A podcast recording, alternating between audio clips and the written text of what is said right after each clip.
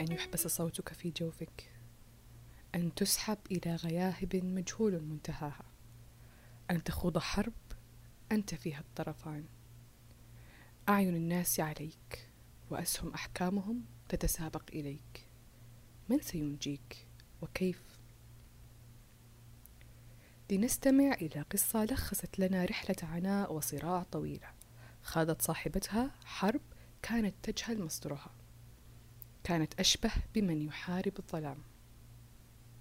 مع هذه القصة نحن نسلط الضوء أكثر على مرض يعتبر في يومنا هذا من أمراض العصر. ومع ذلك حقيقته لا تبدو واضحة للجميع. لا زالت الأحكام والأقاويل تترامى على مرضاه.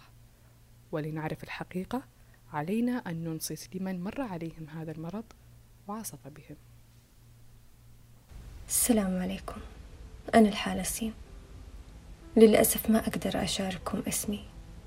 لأن زي ما تعرفون وصمة العار راح تلاحقني وين ما رحت. ما أقدر أجازف وأختار إني أعيش وسط الناس وهم ينظروا لي نظرة الشفقة. مع إن مو بس نظرة الشفقة هي اللي راح تلاحقني لا. ممكن تلاحقني نظرات كثير بمعاني عديدة. لكن كلها تجتمع على إنها نظرات مزعجة. ما علينا. خلوني أحكي لكم الحين عن قصتي. وهي قصة يتشاركها معي ثلاثمية مليون شخص على الكوكب. ممكن أنت أو أنتي اللي تسمعون الحين تتشاركون هذه القصة معي. أو تعرفون أحد قصة مثلي. قبل سنة من الآن وفي يوم عادي جدا قمت من النوم بسبب ألم بطني. الألم اللي كنت أشعر فيه كان غريب. رحت للمستوصف وعطوني العلاج وما راح الألم ما زالت معدتي مضطربة. بعدها بيوم كنت فاقدة الشهية. كل ما شميت ريحة الأكل حسيت بغثيان. وهذه حالتي على مدار ثلاث أيام وأكثر. بعدها تعمق الموضوع معي. وصارت مزاجيتي حادة أكثر من أي وقت ثاني. ممكن أني أعصب على أي شيء وأتوتر من أي شيء. وعلى الرغم من هذا كنت بوقت الجمعات أسولف وأضحك طبيعي أروح وأجي للدوام وأنجز مهامي. وبس أرجع للبيت. كنت أتخبى في السرير ولا أقوم منه إلا اليوم الثاني. كان السرير وقتها هو مخبئي من العالم. كنت أرجع لغرفتي وأنا حاسة بثقل غريب. كأني كنت حاملة جبل على ظهري. وكأن مرساه راسي على صدري. كنت في سريري أحاول أتنفس. أبغى أنام. يمكن أني أتحسن. ولكن حتى النوم كان يهرب مني. تطورت الحالة. وصرت أشعر بكسل شديد وعدم الرغبة في قومة الصبح. كان أسوأ شيء إني أسويه إني أقوم الصباح وأواجه يوم جديد. وأطلع وأشوف الشمس. كان هالشعور مزعج جدا بالنسبة لي. مواجهة زملاء العمل وتصنع الضحك معهم.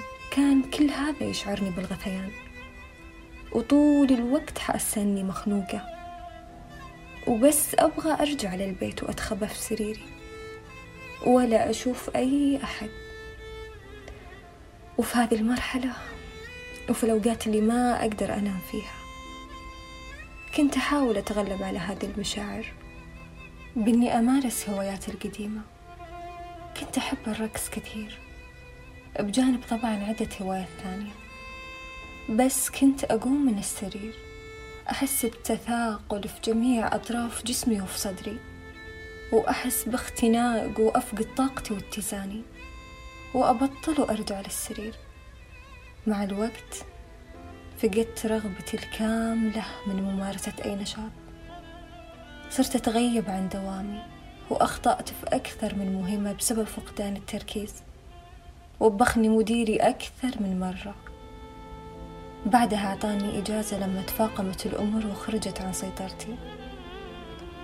كنت ألوم نفسي طول اليوم. إحساس بالعجز والضعف وقلة الثقة. ألوم نفسي على كل كبيرة وصغيرة. الدنيا ضيقة علي. لا وجود لي متنفس. أنا أصلا نسيت كيف أتنفس. وفي الليل كنت أشعر في ظل كبير يحوطني. مانعني من الاندماج في المجتمع. صرت أحبس نفسي بغرفتي ما أبغى أشوف النور أبد. سحبني الظلام اللي بداخلي وتهت عن نفسي. كل اللي كنت أشعر فيه هو الضياع والخذلان. كنت أكره أسمع الكلمات التشجيعية مثل خليك قوية. وأكثر الناس كانوا يزيدونها علي لما يقولون هذا لأنك بعيد عن الله. فكنت أشعر أن الله ما يحبني وإني دايما مذنبة. وبعضهم يقولون وش هالدراما اللي فيك؟ يا نفسية لا تبالغين. كانت كل هالكلمات تزيدني حيرة وإرهاق وكأنها سكين بصدري. وكنت أشعر بالذنب وكأنه أنا اللي جنيت على نفسي. بعدها كانت المرحلة الأبشع على الإطلاق بدت تلعب فيني الهلاوس بسبب الأرق وكنت فجأة أبكي وفجأة أعصب. حالتي تدهورت. يومين ما أنام فيه ويوم أنام فيه بالكامل. حسيت إني غير مرئية وإني عالة على هالدنيا. وللأسف حاولت الانتحار. وانتهى فيني الأمر مرقدة في المستشفى. ومن هنا نقدر نقول رب ضارة نافعة.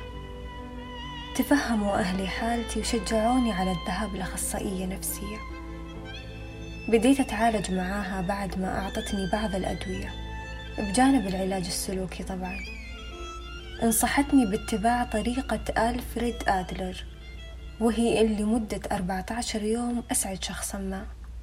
وهذه كانت فعالة جدا معي. كل يوم كنت أسعد شخص مختلف بجانب تعلق الروحي بالله لأن التعلق الروحي يفرق كثير مع مرضى الاكتئاب. وطبعا ما أنكر أني كنت بعيدة عن القرآن فكانت مصيبتي هذه سبب في الرجوع له. بديت أتعلم مهارات جديدة. وأقرأ كتب في مختلف الفنون بعيدة عن بعض الفلسفات اللي خلتني أتعمق بفكرة الانتحار وإنه ممكن يكون نهاية الألم. بعض المعتقدات ترسخ بعقولنا وممكن في لحظات الضعف نتأثر فيها. ببطء بدت ترجع لي الحياة. عرفت إن كل هذا مو تقصيرا في عبادتي لا ولا هو مبالغة مني. هي مشكلة في نواقل العصبية وسبب كبير في إصابتي بالاكتئاب كان نقص حاد في فيتامين د. تخيلوا إذا قابلت يوم شخص مكتئب أرجوكم أرجوكم أنصحوهم يراجعون أخصائي نفسي. يكفي اللي فيهم وإنكم تتفهمونهم لا تزيدونها عليهم. مو ذنبهم إنهم مرضوا وتعبوا. ساندوهم أرجوكم. ولولا تفهم أهلي ممكن كنت حاولت مرة ثانية ونجحت. وما كنتم تسمعون حكايتي الحين. عشان كذا أنقذوا أرواح اللي تحبونهم. كلمة طيبة وتوجيه صحيح يغير مجرى الحكاية.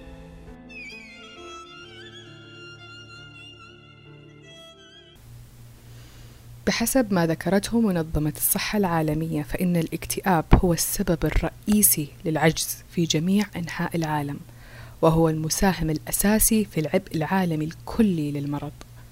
في كل عام يموت ما يقارب 800 ألف شخص من جراء الانتحار الذي يمثل ثاني سبب رئيسي للوفيات بين الفئة العمرية 15 إلى 29 عام. لكل من يسمعني الآن أنصت إلي. أنت الأمل لا تكتئب. نحن نراك نحن نفهمك ونسمعك. نقدر ما تشعر به ولا بأس فيما تشعر. لا بأس في كل هذه الاضطرابات. لا بأس في الخوف والوحدة والقلق. لا بأس في الحزن. سينقضي. تذكر أن بعد كل ضيق فرج ومع كل عسر يسر. لا تهمل نفسك. لا تخجل من الاعتراف بأنك تحتاج إلى مساعدة. تقدم خطوة نحو العلاج وسترى أن الغد أجمل. وغدا ننسى فلا نأسى على ماض. تولى. فلا